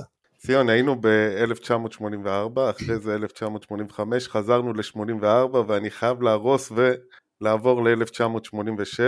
דניאל בריילובסקי מגיע למכבי חיפה, אה, טעם של אה, כדורגל ארגנטינאי והוא באמת מביא את זה למכבי חיפה. מכבי משתפרת עוד בכל האלמנטים, האלמנטים ההתקפיים, מנצחת בלי סוף ואז מגיע המחזור השלושים, מכבי חיפה נגד הפועל תל אביב, צריך תיקו. מה קורה באותו משחק? אני אגיד לך מה קרה לפני המשחק. לפני המשחק, במשך כל, כל השבוע באימונים, היינו עושים משחקונים וגם משחקים נגד קבוצת הנוער, ושלמה היה כאילו, אתה יודע, מעבה, מעבה את ה... היינו משחקים עם מעט שחקנים, פחות שחקנים, והקבוצה היריבה כאילו אה, מסתגרת, מה, ש... מה שהם קוראים היום אוטובוס. ולי הוא היה כל הזמן אומר, לי ולאיתן, אל תעלו, אל תעלו, אל תעלו, אל תעלו, תיזהרו, לא לעלות, צריך להישמר, צריך להישמר, צריך להישמר. במשחק הזה הייתה לי בעיה איתו, אמרתי לו, שלמה, בוא ניתן גול, שנקבל גול, אני לא דואג. לא דואג. בוא ניתן גול, בוא נשחק את המשחק שלנו. ובמשחק הזה לא יודע מה קרה, לא הבקענו בהתחלה. ולא הבקענו בחצי השני, וקצת הלכנו אחורה בסוף, ולצערי קיבלנו גול, וואלה, מה אני אגיד לכם, זה... זה מבאס עד היום, כי זה לא היה גול שצריך לשרוק שהוא גול, אוקיי? עכשיו, אה, אין מה לעשות, זה נקבע, זה נעשה, אבל אני חושב שאנחנו הפסדנו את המשחק כי לא, כי לא באנו מורעלים, לא באנו, לא באנו רעבים למשחק הזה ב-200 אחוז, באנו מתוך זה, אמרנו, טוב, תיקו, יהיה לנו בסדר, יהיה בסדר, אל תתקוף אתה, אל תצא אתה, והוא צעק על איתן לא לצאת, ואני לא לצאת. אני לא רגיל לשחק הגנה, אני רגיל לשחק התקפה. נכון שהייתי גם שחקן הגנה טוב, אבל אני, איך אמרתי לכם בהתחלה, המוטו שלי זה שהחלוץ ישמור עליי ולא אני עליו. ואני אתן לכם רק אה, דוגמה אחת. היה פעם חלוץ מאוד מסוכן, קוראים לו יגאל מנחם, נכון? זוכרים? מכבי נתניה? אומר לכם משהו? גם לא היה אח ש... ששיחק, שמעון מנחם ויגאל מנחם? היה שמעון מנחם והיה יגאל מנחם. יגאל היה חלוץ. שני... יגאל היה... יגאל היה חלוץ והיה חלוץ מאוד מסוכן. ואני אתן לכם איזה קוריוז ש... שהיה במשחק הזה. אנחנו עולים ל... ל... למשחק הזה עם נתניה, ומי שאימן את, נתנ... את... את נתניה אז היה מוטלה שפיגלר, ויגאל מנחם היה עליי, כאילו אני מגן שמאלי והוא קיצוני אה, ימני. והוא אומר לי, כל האספה הייתה עליך. אמרתי לו, למה? מה קרה? ככה, אני לא אשכח את המילים האלה, למה? מה קרה? הוא אומר, אמר לי, מוטלה, לא לתת לך לעבור את האמצע. אמרתי לו, אוקיי, ככה. והיינו חברים, היינו מדברים במשחק. ואיפה שאני הולך, הוא הולך אחריי, אני נכנס לאמצע, הוא הולך אחריי. אני חוזר אחורה, הוא הולך אחריי. עד שבאיזשהו שלב אמרתי, בוא, תהיה, תהיה טקטיקן. אמרתי לו, יגאל, מטומטם, מה יש לך? לך תתקיף, תעשה גול. לך תעשה גול, עזוב אותך, אני לא עולה למעלה. גם ככה אני לא עולה, אין לי כוח לעלות. אז הוא מסתכל עליי, ובדיוק נתנו כדור. נתנו כדור לצד שלי. והוא עבר עם הכדור הזה, ובעט לשער. בעט רחוק, גבוה מהשער. ואז אמרתי לו, אתה רואה? ככה. אז הוא אמר לי, יאללה, שיעזוב אותי, אני לא שומר עליך יותר. קיבלתי 3-4 דקות כדור. שלוש, אחרי 3-4 דקות. יצרתי התקפה מצד שמאל, עשיתי משם גול, ויגאל אומר לי, סליחה, לא יכול לקלל פה, אבל הוא קילל אותי, ואחרי 10 דקות הוא הוחלף. אז uh, תשמע, יש, יש, יש מצבים בכדורגל שאתה יודע, אתה חייב לדבר, אתה חייב להיות uh, טקטיקן. אז לכן, בקטע הזה, גם בקטע של, של, של הפועל תל אביב, בלומפילד, אני חושב שהקטע הפסיכולוגי גם שיחק לטובתנו, שהנה דקה 90, דקה 85, דקה 90 ודקה זה, נגמר, נגמר, נגמר. לא, שם טעינו, היינו צריכים uh, לשחק כמו שאנחנו יודעים ורגילים, וגם אם הגענו לדקה 90 ב-0-0, להיות ערניים עד השנייה האחרונה, עד שלא שרק, לא, לא, עד שלא נגמר, לא נגמר. ופה פספסנו, זה היה אליפות אה, כואבת. נכון ששבוע, שבועיים קודם, אם הייתי מפקיע פנדל, אז היינו אלופים. אז אה, הפועל פתח תקווה, אם אתם זוכרים, פספסתי פנדל, וזה היה בדיוק ש... אתה זוכר את זה? אתה זוכר? פספסתי פנדל כי החלקתי, ואם היינו מנצחים את המשחק הזה, לא הפסדנו אותו, עשינו תיקו, אם היינו מנצחים, אז הפועל תל אביב זה היה טיול, כאילו, אפילו לא היינו צריכים לנסוע, הנוער היה נוסע, משחק וחוזר, אז תשמע, הכל מלמעלה. כן, 20 שנה אחר כך, 20 שנה אחר כך, צבי שריר חטף בוז בקריית אליעזר לפני איזה משחק שהוא שפט איזשהו משחק ותיקים כזה או משהו כזה, אז uh, עדיין uh, זכרו לו את החטא של uh, 86. Uh, באותה עונה ובעונה שאחריה אבירן בעצם כבר uh, הופך לדמות מאוד מאוד בולטת בקבוצה, אחרי שבאליפות הראשונה צריך להזכיר הוא עוד התמודד עם צדוק אברהמי על uh, חולצת ההרכב הראשון.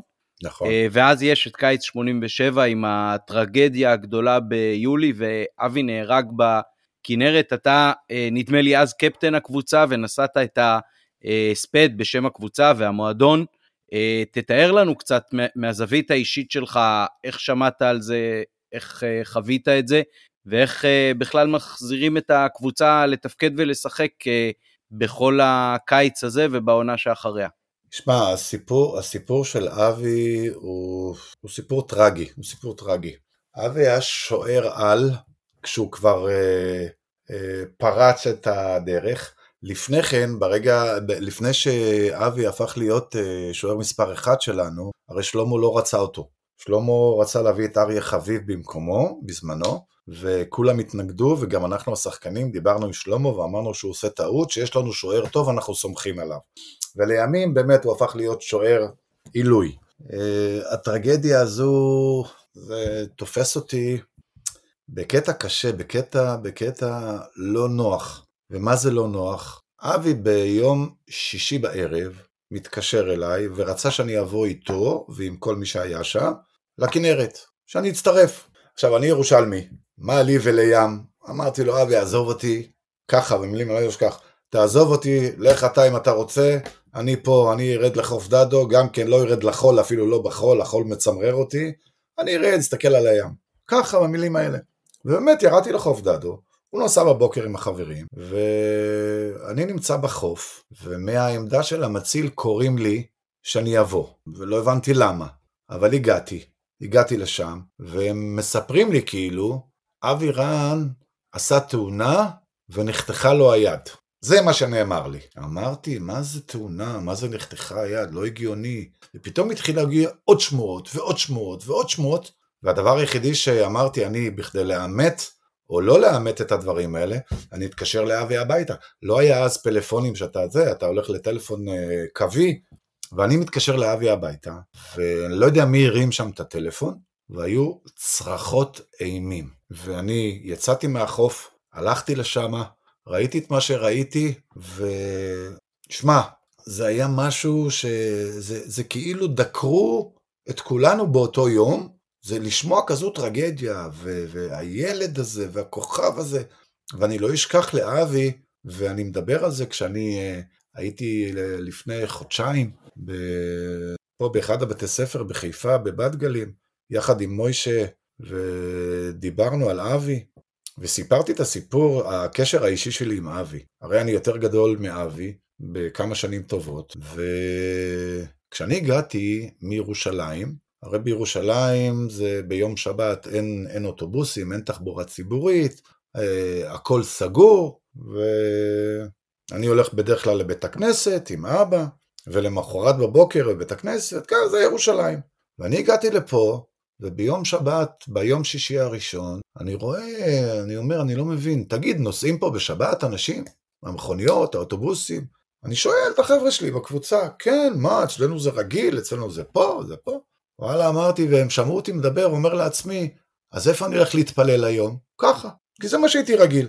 אבי אמר, אתה הולך איתי, אתה עושה איתי שבת בבית, אנחנו עושים קידוש בבית. והשבת הראשונה שלי בחיפה, היא הייתה עם קידוש עם אבי, והמשפחה, עם, ה, עם אה, מוישה רן, עם כל המשפחה שלו, והייתה לי חוויה, ואני לא אשכח לו, לא שכחתי לו את זה בחיים, ואני כל הזדמנות שיוצא, אני מזכיר את זה, כי זה עשה לי טוב.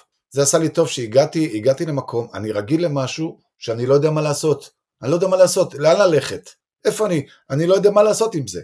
והוא הזמין אותי ל, ל, לשישי הראשון, הקידוש הראשון אצלהם, זו הייתה בשבילי חוויה מטורפת. ובשבת הזו שהוא נהרג זה, וואו, זה, זה היה קשה.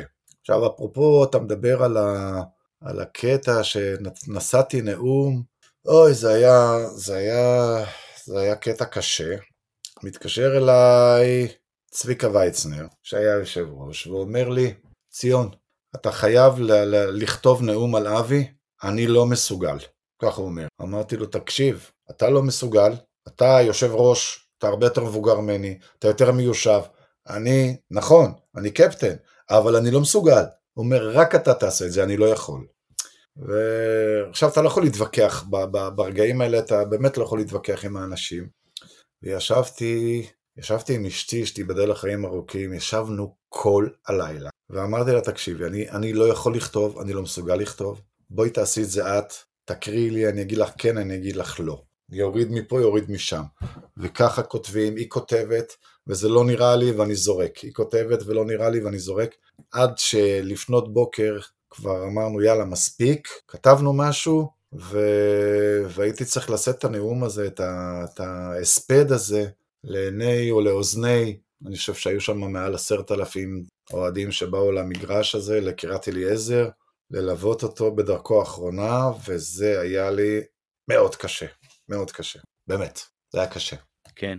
Uh, באמת גם ב- בתקופה שדיברו עליו על uh, מעבר לליברפול וזה, אני, אני זוכר האמת, משחק שלכם נגד מכבי תל אביב בבית, שרק בסוף בסוף הוא חטף שער, וזה היה מאוד מאוד סמלי, כי כל המשחק בכלל לא התקרבו להבקיע לו, זאת אומרת כל מה שהתקרב לרחבה הוא לקח, אם זה באוויר ואם זה על הרצפה, ובסוף ממש לקראת הסוף, ועשר דקות לסוף אולי משהו כזה, הוא, הוא שכב על הרצפה על קו השער ופשוט בעטו בו ביחד עם הכדור עד שהכדור עבר את קו השער. זאת אומרת, זה, זה היה לי אז מאוד מאוד סמלי, אני זוכר, אפילו השתתפתי פעם באיזושהי תוכנית אה, לזכרו עם אה, אביו משה, אה, אז אה, באמת הזכרתי לו גם את המשחק הזה וגם איזושהי עצירה שהייתה לו בנבחרת, שאפרים דוידי פתאום איזשהו כדור שנורה לכיוון הרחבה, הוא נגח וכמעט היה שער עצמי, וזו הייתה אולי אחת העצירות הכי גדולות שלו, יחד עם האחד על אחד עם המפורסמים עם אה, איין ראש וזה, זה באמת היה משהו פנומנלי. תשמע, אבי היה שוער ענק, באמת ענק, ואני אספר לך סיפור עליו, הוא היה משוגע. הוא היה שוער, אבל הוא היה משוגע. ולמה אני אומר משוגע? שהוא כמעט כל משחק, למעט מכבי תל אביב ו- ומשחקים גדולים, כמעט כל משחק היה אומר לי, ציון, תן להם לבעוט. משעמם לי בשער, תן להם לבעוט. ואני אומר לו, תשמע, אתה לא נורמלי. אתה לא נורמלי. אני לא אתן להם לבעוט. והוא אומר, אם ייכנס גול, עליי, אני אשם. תן להם לבעוט. שמע, היה קטע, שיחקנו פה בקריית אליעזר נגד הפועל כפר סבא. אם אתם זוכרים, היה לכפר סבא אה, חלוץ, יצחק מימוני. מהיר, זריז, אם אתם זוכרים אותו. והוא שיחק על הכנף שלי. ובאותו משחק אנחנו הובלנו, הם, הובלנו 1-0 במחצית, ואבי אמר לי, ציון, תן להם לבעוט, תעשה לי טובה, תן להם, משעמם, משעמם לי, אני לא, לא עושה כלום. ואז אנחנו יוצאים במחצית, ואני אומר למימוני, שמע, אנחנו לא עולים חצי שני, כשאתה עושה פריצה, אני לא עוצר אותך, תבעט לשער. עכשיו הוא מסתכל עליי כאילו בא מישהו, איזה אידיוט, אומר, תגיד, אתה מטומטם? אמרתי, לא, אני אבי, רוצה שתבעט לו. לא, אני ככה. יוצאים לחצי, מחצית שנייה, יצא מצב שאני והוא כדור על אחד על אחד, ואני אומר לו, תבעט, תבעט עכשיו, תבעט, הוא בועט. אבי תופס את הכדור בזינוג, אומר לי, והוא עושה לי ככה, ציון, כל הכבוד. אמרתי לו, אתה פסיכי, אתה לא נורמלי. כן, וזה סיפור אמיתי. וכן, אבי היה שוער ענק, ובאותו שבוע שקרה מה שקרה, הוא בכלל, הוא היה מוזמן לשחק עם נבחרת שאר, שאר העולם. זאת אומרת, אה, והוא בהחלט היה אמור לצאת למבחנים, וכן, היה לו עתיד באירופה. היה לו עתיד מזהיר באירופה. והכל נגדע באותו, באותו רגע, באותו רגע ארור בכנרת. כן, אבל הוא היה בחור אחר... מדהים, בחור מדהים. עונה, עונה אחר כך באמת הייתה עונה מאוד קשה במכבי, כשבוני גינסבורג אה, הובא בעצם כשוער הראשון. אה, אבל עונה אחרי זה, ב-88-9, מכבי מתאוששת ועוד פעם לוקחת אליפות, הפעם תחת אה, אמציה לבקוביץ'. מה, מה אתה יכול אה, לספר לנו על אמציה ועד כמה באמת ההבדלים בין אותה קבוצה שלקחה אליפות במרכאות מאוד אפורה, אם בסך הכל חצי מהמשחקים בליגה ניצחתם והיתר היו הרבה מאוד תוצאות תיקו. מה היו ההבדלים בעצם בין הקבוצה הזאת לקבוצה של השושלת הראשונה ובין אמציה לשלומו? תראה, אמציה היה מאמן טוב, הוא היה טקטיקן מעולה, באמת, הוא היה טקטיקן מעולה.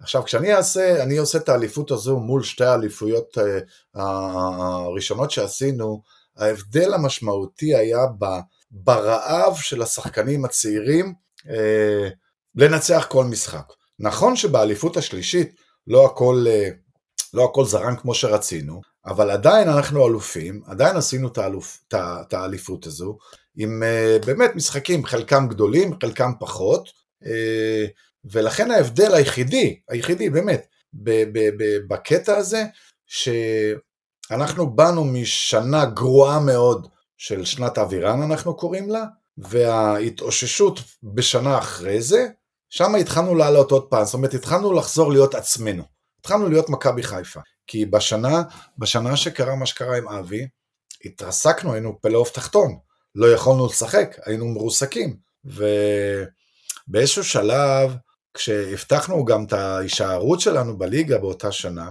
זאת אומרת, אני, אני צוחק על עצמי שאני מדבר על זה כאילו היינו אלופים, מה אנחנו יורדים ליגה, אבל כן התרסקנו מהסיפור של אבי, מהקטע עם אבי, ובאיזשהו שלב, המחצית השנייה של הליגה, אני זוכר את עצמי לוקח, עושה אספת קבוצה ואומר להם, חבר'ה, בואו ניקח להם את כל הנקודות. בואו ניקח להם את כל הנקודות, גם ככה אליפות לא נעשה, בואו לפחות נרוויח פרמיות. ולקחנו את כל הנקודות בפלייאוף תחתון. כל הנקודות. כולל ה-10-0. כולל ה-10-0, וזה מה שנתן לנו את ה... כאילו את ההמשכיות שנה אחרי זה, שכן, עשינו אליפות באותה עונה. ואז אחרי... ה-10-0, סליחה רגע, ה-10-0, אה, שמע, אני לא יודע אפילו איך ניצחנו 10-0, היינו מצוינים, באמת, לא יודע איך. היינו מצוינים, וכל מה שעשינו, נכנס. כל מה שעשינו נכנס. במחצית, שחקנים של מכבי תל אביב אמרו לי, חלק מהם, אלי דריקס, ציון, מספיק, אל תשחטו אותנו. אמרתי, די, 7-0, מספיק, ככה. ונכנסתי לחדר הלבשה, אמרתי להם, חבר'ה, לא יפה, 7, מספיק. אמרו לי, שתוק, אנחנו נפרק אותם. לא נוותר להם. וככה זה נגמר 10. ציון, אה, דיברת על המענק אליפות שביקשת ב-84 ובטח ב-85 וגם ב-89 היה לך מענק אליפות, אבל מענק גביע לא סידרת לעצמך. ב-85 לא זכינו, ב-87 לא זכינו, ואז מגיע 89 עם השער של עופר מזרחי, גמר גביע נגד בית"ר ירושלים, ומגיעים הפנדלים. אתה מפקיע את הראשון, מה שלא עשית ב-87, ואחר כך... כל הכבוד, תודה רבה, תודה, תודה. היית, היית בועט הפנדלים, דרך אגב, אני חושב, לדעתי, מה שאני ראיתי בתור ילד, הכי טוב בעולם. היה לך בעיטה חזקה לפינה, מדויקת מאוד, אבל שני פנדלים, אה, גם ב-86 נגד הפועל פתח תקווה, וגם ב-87 בגמר, אבל אנחנו עכשיו ב-89. מתי, אתה תגרום לזה שלא יבואו יותר אורחים ממכבי. לא, לא, לא, מה שאני הולך להגיד לו בסוף, הוא יהיה, הוא יבוא, יביא גם את איתן. אה, כן, הפנדל, הפנדל שהחמצתי, בסדר, לא נורא. אה, פנדלים, צריך לדעת לבעוט, צריך להיות קר כמו סלע. אני רק, אני רוצה לספר לכם על פנדל אחד, פנדל אחד, שאני לא חושב שזה קרה לאף שחקן בעולם. אנחנו משחקים בבית נגד בית"ר ירושלים, דקה 90 ומשהו, פנדל לטובתנו כאשר אנחנו בפיגור 1-0. עכשיו, אני לוקח את הכדור, הכשילו ברחבה את שלום לוי, אני לוקח את הכדור, פנדל, הוא שורק, מי שופט? מיודענו שריר. עכשיו ככה, אני בטוח שאתם בחיים לא שמעתם על מה שאני אומר לכם כרגע. הוא שורק על הפנדל, אני לוקח את הכדור, והוא אומר לי, מראה לי זה נגמר. אני אומר לו, מה זאת אומרת נגמר? הוא אומר, נכנס, נגמר. בקורה, נגמר. הדף, נגמר. אין המשכיות. השחקנים שלנו שמעו את זה, שלושת רבעי מהשחקנים נכנסו לחדר הלבשה. עכשיו, כל הרצועה של הקהל, היה אצטדיון מלא, אני הולך ל... הוא הוריד אותי, הוריד לי את האוויר, הוריד לי את הביטחון, כאילו מישהו ירה בי באותו רגע. ועוד מה, יוסי מזרחי בשער. עכשיו, מה עושה שחקן שיודע לבעוט פנדל, או שחקן שמכיר את, ה... את כל המהלכים ואת כל, ה... כל השיטות? אז התחלתי להקפיץ את הכדור, ככה, שליטה ברגל, בכדור, בשביל לקבל קצת ביטחון, ואני אומר לשריר, לא יעזור לך, הכדור הזה יהיה בפנים. הוא אומר לי, נו תבעט כבר, נגמר המשחק. אמרתי לו, אחרי שאמרת לי נגמר, לא מעניין אותי. עכשיו אני צריך לקבל את הביטחון שלי. ככה, ואני מקפיץ כדור והולך שמאלה והולך ימינה. ואני הולך ליוסי מזרחי ואני אומר לו, יוסי, אני בועט לפינה הזו. יוסי מסתכל עליי, עכשיו אנחנו מכירים בירושלים, בואו, אנחנו גדלנו יחד. הוא גם יודע שאני בועט לפינה שלו בדרך כלל. ואני אומר לו, אני בועט לפה, ואני הולך לשריר, ואני אומר לו, לא יעזור לך כלום, הכדור יהיה בפנים. אני שם את הכדור ככה, וכל טבעת, הרחש בחש בקהל, שקט. שקט, אתה לא שומע כלום. שחקנים, שלוש רבעי השחקנים, בתוך חדר הלבשה. אף אחד לא רוצה לראות את הבעיטה. לך תבעט עכשיו. לך תבעט פנדל. אז אני שם את הכדור, אני אומר ליוסי ואני עוד מראה לו עם האצבע לצד השני, הנה אני בועט לפה, שריר שורק, אני בועט, הכדור לאיפה שאמרתי, לא שיקרתי, לאיפה שאמרתי, הכדור פוגע בקורה ונכנס, וכל הקהל יש, ואז השחקנים יוצאים מחדר הלבשה, כולם רוקדים וצוחקים. אמרתי להם, לכו פחדנים, השארתם אותי פה לבד. זה פנדל שאני לא מאמין שקרה איפשהו בעולם, לא ראיתי, לא שמעתי. עכשיו, היה, שחק... היה, היה אמת לפני כמה עונות בליגת העל, כזה הפועל, אה, אה, אה, מכבי פתח תקווה נגד הפועל חיפה, והכדור נעדף, והבקיעו את הריבאונד, ולא אושר השער. כי הוא אמר לפני, ברגע שאין המשכיות, המשחק נגמר. זה הזוי, זה כן, זה קטע, זה הוריד לי את הביטחון, זה פירק אותי, ואני לא אחד שמורידים לו ביטחון בשנייה, ממש לא, אבל בקטע הזה כשהם מובילים 1-0, והוא אומר לך, נגמר, אין, נגמר, הכל נגמר, לך עכשיו תבעט פנדל, סיננתי, סיננתי משהו מתחת לשפם, הוא שמע אותי אבל הוא, הוא אה, החליק את זה, אבל אה, זה, זה היה פנדל מטורף. בוא את הפנדלים הכי טוב בעולם. וואו וואו וואו, איזה כיף. מה, מה מבחינתך היה הרגע הכי גדול במכבי? הרגע שאתה תיקח איתך לתמיד. אני אגיד לך, מבחינתי הרגע הגדול ביותר זה שאני הצבתי לעצמי מטרה ואמרתי, באתי מהפועל ירושלים מקבוצה קטנה.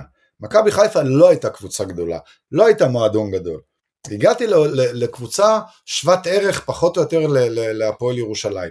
אממה, הצבתי לי את, ה, את, התואר הזה, אליפות, בשנה הראשונה, ועם אה, חוזה לאליפות בשנה הראשונה, זה הקטע הכי אה, שקלטתי, זה כאילו לקחתי בינגו, שלחתי לוטו, השש והנוסף, הנוסף זה היה אליפות, זה היה מטורף. אז אני חושב שזה הרגע מבחינתי, אה, לא המשחק הכי טוב, אלא הרגע הכי, אה, ש, ש, שאני אומר, המעבר, כל המעבר הזה, צדקתי. כל מה שעשיתי וקיבלתי עונש, שבעה משחקים, ואחר כך נפצעתי שלושה משחקים, וואלה, עשיתי את מה שהצבתי לעצמי, הצלחתי. וזהו, ומאז כבר הפכנו להיות קבוצה גדולה, מועדון גדול, עם אה, מורשת, וכיף, כיף ענק. ציון, דיברנו ב... בזמן הקורונה ישבתי ביציע העיתונאים כשלא היה קל, יצאנו לדבר, ואמרת אז, אה, היו תחלופה של מגן שמאלי, וזה אמרת, אני רוצה עכשיו להיכנס לשחק, היית, זה אז ספציפית ב-2-2 נגד מכבי תל אביב, וזה. היום כשאתה מסתכל על המגן השמאלי שלנו, פייר קורנו, נראה לי אפשר להיות רגוע, מה, מה אתה חושב על השחקן הזה? קודם כל, אה, הוא קצת מזכיר את, ה, את ההגבהות מצד, אה, מצד שמאל שלי, והוא שחקן מצוין, ואני... אה, איך שהם הביאו אותו, איך שהוא הגיע אלינו, גם המגן הימני, אמרתי, או, oh, סוף סוף יש שני מגינים חכמים, שלא רק עולים בלי, בלי שכל, אלא גם יודעים להגביה את הכדור, יודעים לעשות הסגירות, שחקנים מאוד מאוד חכמים. ואני מאושר שיש לנו את המגינים האלה, כי אני חושב ש... אתה יודע, אני כל הזמן אמרתי, עד שהגיעו המגינים האלה, אמרתי, תשמעו, גם אמרתי למכבי חיפה באיזשהו שלב, איך יכול להיות שמכל אלפי ילדים ש, ש, ש, שיש בכדורגל הישראלי, בבתי ספר לכדורגל, במחלקות הנוער, איך יכול להיות שאין מגן שמאלי, לא כמוני, יותר טוב ממני. אז אומרים מה לעשות, זה מה יש, זה מה יש. וכשהיום אני רואה את, אה, את המגינים שלנו, גם שמאל, גם ימין, אני מאושר ש, שהם הגיעו לנו בכלל. כי אחרת, בקבוצה כזו, אה, שתוקפת כל הזמן, אתה חייב שחקנים איכותיים ביותר, שיש להם טאץ' בכדור, כשהוא תוך כדי ריצה, להגביה את הכדור, להניח אותו בראש של מישהו, זה, זה לא פשוט. כשהגיע שלמה שרף חזרה ב-1990, בעצם אה, עוד היו לך בדרך הצעות ממכבי תל אביב ומהפועל תל אביב במהלך השנים, אה, וב-90 בעצם אה, פרשת. אה, איך אתה אה, התחברת מחדש בעצם למועדון? אנחנו יודעים היום שאתה אחד השגרירים גם של המועדון, ראינו אפילו תמונות שלך מאחר הצהריים באירוע עם אה, אדידס. אז אה, אם תוכל קצת לספר על סוף הדרך במכבי ועל איך נוצר בכל זאת החיבור מחדש. תראה, זה, אה, זה הסיפור הכי עצוב שלי ב, ב, בהיכרות שלי עם מכבי חיפה והניסיון שלי עם מכבי חיפה. בשנת 90, סליחה, שתיתי מים, ב... בשנת 90 שפרשתי, לא פרשתי סתם. פרשתי כעוס, פרשתי עצבני, פרשתי לא כי רציתי לפרוש. לא כי פרשתי כי הגיע הזמן, אלא פרשתי כי התאכזבתי מאנשים והתעצבנתי על האנשים והחלטתי שאני פורש. ככה בהחלטה, ותכף אני אסביר. אה, קצת לפני תום העונה, משהו כמו שלושה חודשים לפני סיום העונה, פנה אליי דני לאופר ממכבי תל אביב, זיכרונו לברכה. דני לאופר, אתם יודעים, הוא היה יושב ראש מכבי תל אביב. והוא אמר לי, ציון, אני רוצה שתבוא לשחק עם מכבי תל אביב, איתך אני עושה אליפות. זה המשפט שלו. ואני הסתכלתי עליו וצחקתי, אמרתי לו, תקשיב, אני אוהב את חיפה, חיפה לא ישחררו אותי, וחוץ מזה טוב לי כאן, למה אני צריך לעשות מעבר לתל אביב? אני לא שחקן של... אה, שעברתי מלא קבוצות. הפועל ירושלים, מכבי חיפה, זהו, שתי קבוצות בחיים שלי. והוא ישב לי על הווריד, ובאיזשהו שלב אה, הוא הגיע לחיפה, והיינו מיודדים בסך הכל. והלכנו לאכול צהריים, והוא לוקח מסמך של מכבי חיפה, של אה, מכבי תל אביב, סליחה, מסמך רשמי, חוזה הסכם, הוא חותם למטה, נותן חותמת על, ה, על החוזה הזה, לא כתוב בו כלום, כאילו מבחינת אה, מספרים, רק uh, סיכום דברים, הוא אומר תרשום כל מה שאתה רוצה, תרשום את המחיר שאתה רוצה, איזה חוזה אתה רוצה, קיבלת. הוא חתם מראש. עכשיו אני בהומור אמרתי לו, שמע דני, אם מכבי חיפה לא ירצו אותי, שאני אמשיך עוד שנה, אני בא אליך. הוא אומר לא, אבל תחתום. אמרתי לו, אני לא יכול לחתום, אני חייב לדבר עם מכבי חיפה. הוא אומר לי, תחתום ותשאיר את זה אצלך. מה אכפת לך? תחתום ותשאיר את זה אצלך. אם מכבי חיפה יאשרו לך, יאללה, אנחנו סוגרים את החוזה. החוזה סגור, אבל נעשה את זה יותר רשמי. תקשיבו, רשמתי שם סכום שהיום לא מרוויחים אותו. ואני רשמתי את זה בהומור, כאילו. ממש בהומור. הסתכלתי עליו, הוא הסתכל על הנייר, הוא לקח את הנייר, הוא הסתכל, הוא אמר, או-אה, אבל קיבלת, ככה. ואני מסתכל על הסכום, דמיוני. שחקנים לא מקבלים היום, לא צוחק.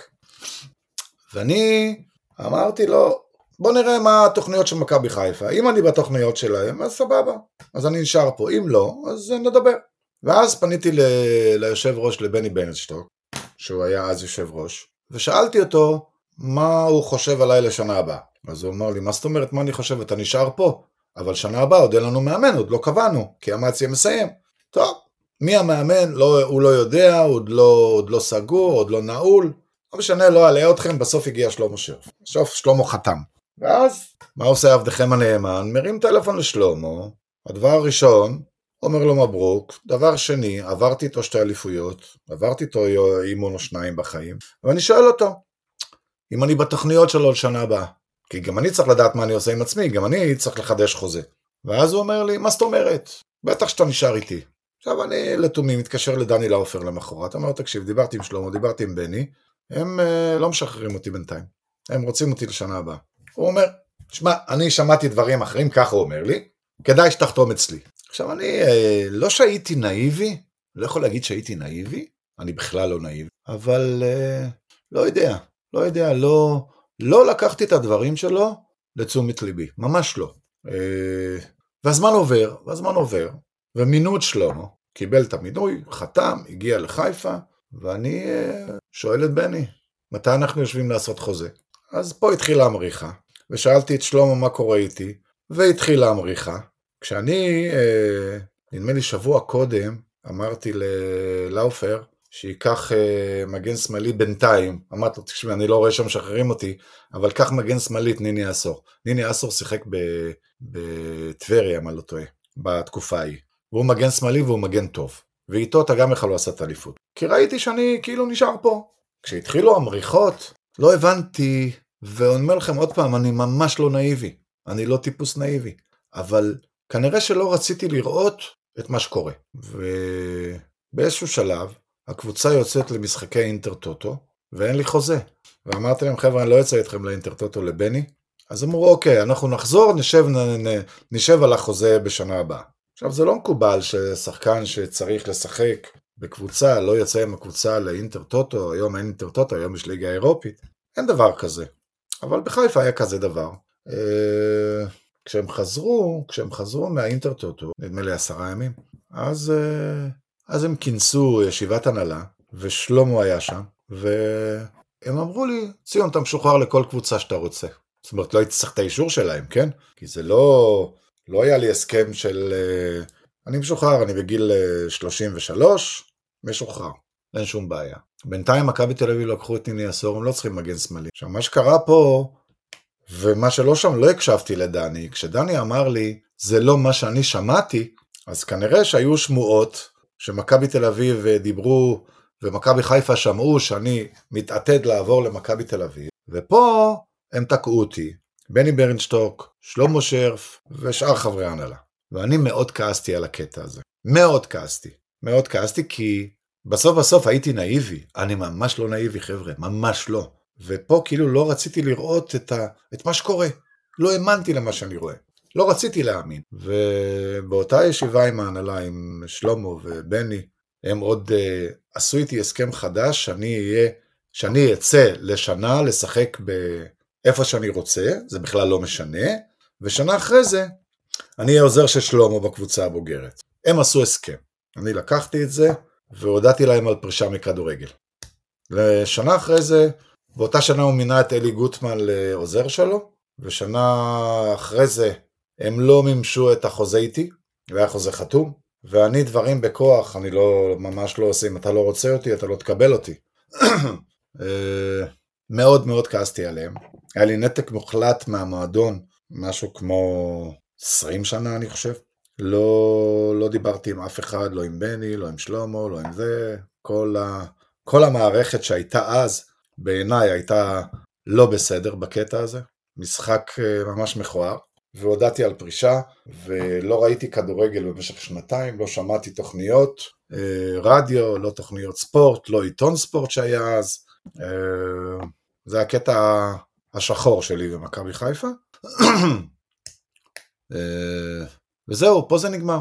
ופה נגמר הקשר שלי עם מכבי חיפה.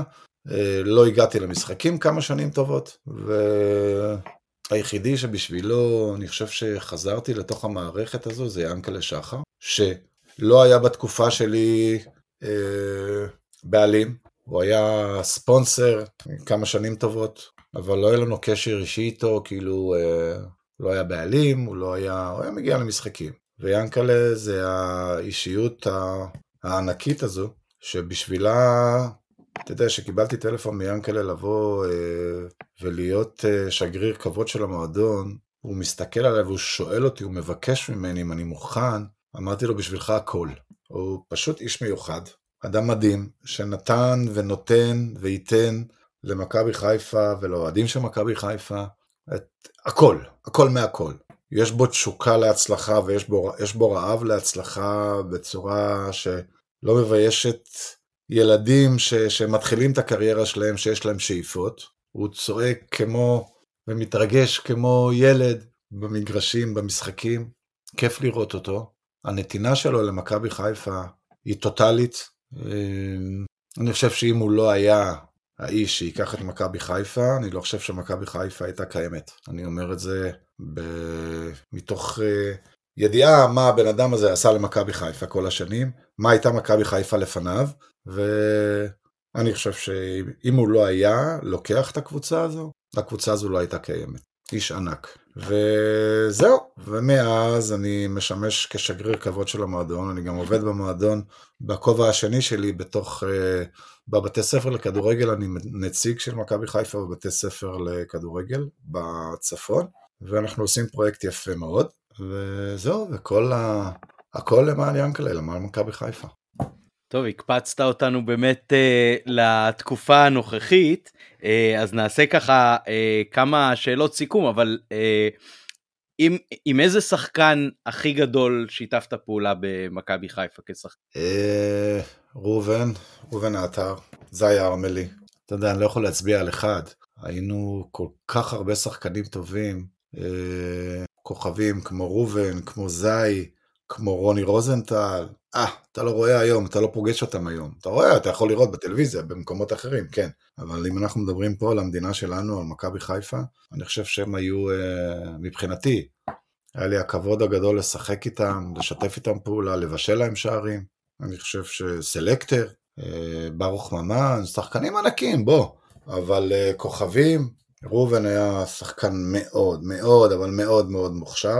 שלפי דעתי הכישרון שלו התבזבז רק בארץ, רק אנחנו נהנינו ממנו, אני חושב שאם הוא היה אה, יוצא החוצה, יכל היה להתקדם הרבה יותר, אבל צריך גם אופי לצאת החוצה, וכנראה שלראובן לא היה את זה. אז אני חושב שראובן, זי, האנשים האלה, היה לי הכבוד לשחק איתם, ענקיים לגמרי.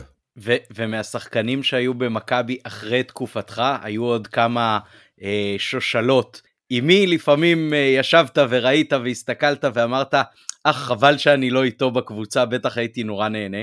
אה, תראה, אני חושב שאם הייתי משחק היום, הייתי עושה הרבה גולים מהכדורים ששרי ייתן לי, ואם הייתי משחק היום, אז uh, הייתי מבסוט שיש שחקן כמו, ש...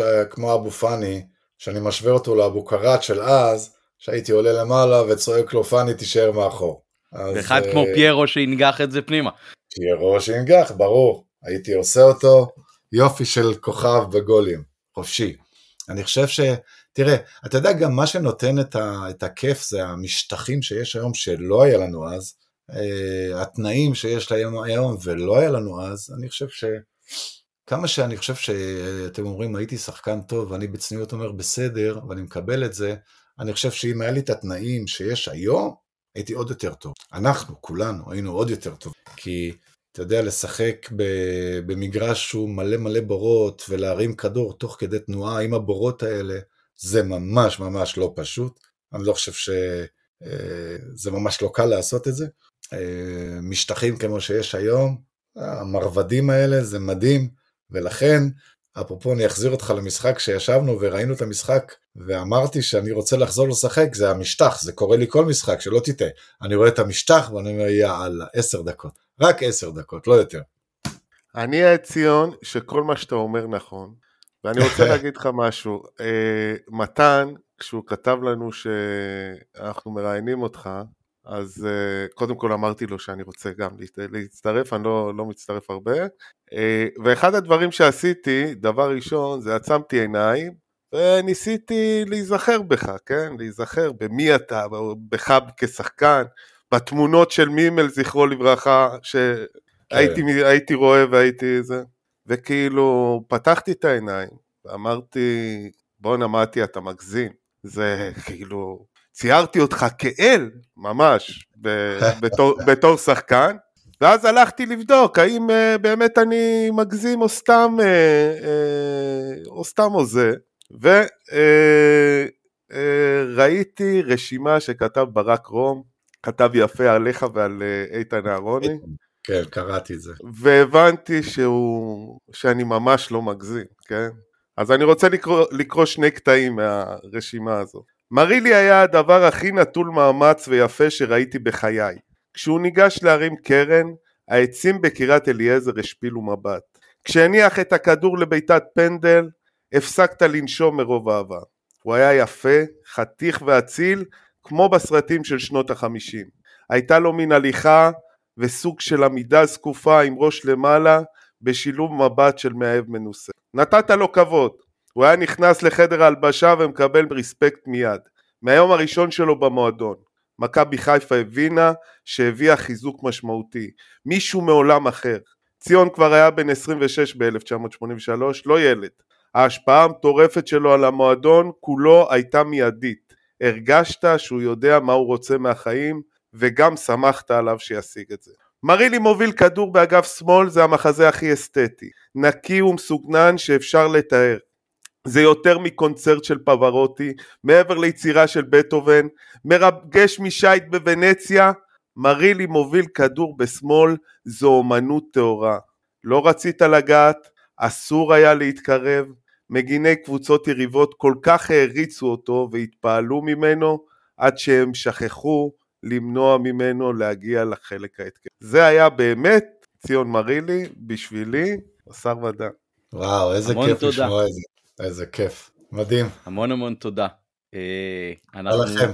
מאוד מעריכים ומאוד מתרגשים, באמת ההסכת הזה נותן לנו בין היתר אפשרות גם uh, לפגוש פנים אל פנים uh, גיבורי ילדות, וזה משהו שככל שאתה מתבגר, אז היכולת שלך להעריץ ולהתגבר על הציניות הופכת. יותר ויותר אה, נדירה, אבל אה, לפגוש אה, שחקן כמוך זה באמת מחזיר אותנו, אה, אותי 40 שנה אחורה, למשחקים ראשונים שראיתי בקריית אליעזר, שאני בטוח שגם היום אה, כשאתה עובר בסטלה מאריס והמבט לא יכול שלא אה, ללכת לכיוון העיר התחתית.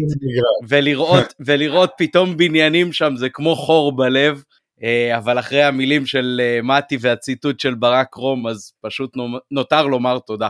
תודה רבה לכם, היה לי לעונג, ואתם עושים עבודה נפלאה ונהדרת. תודה על, ה, על הזמן הזה, על הקשב. אני ממש התרגשתי היום, כאילו, תחזור, לחזור אחורה, משהו כמו 40 שנה אחורה, זה, זה לא פשוט, אבל uh, אני זוכר טוב, אני זוכר טוב.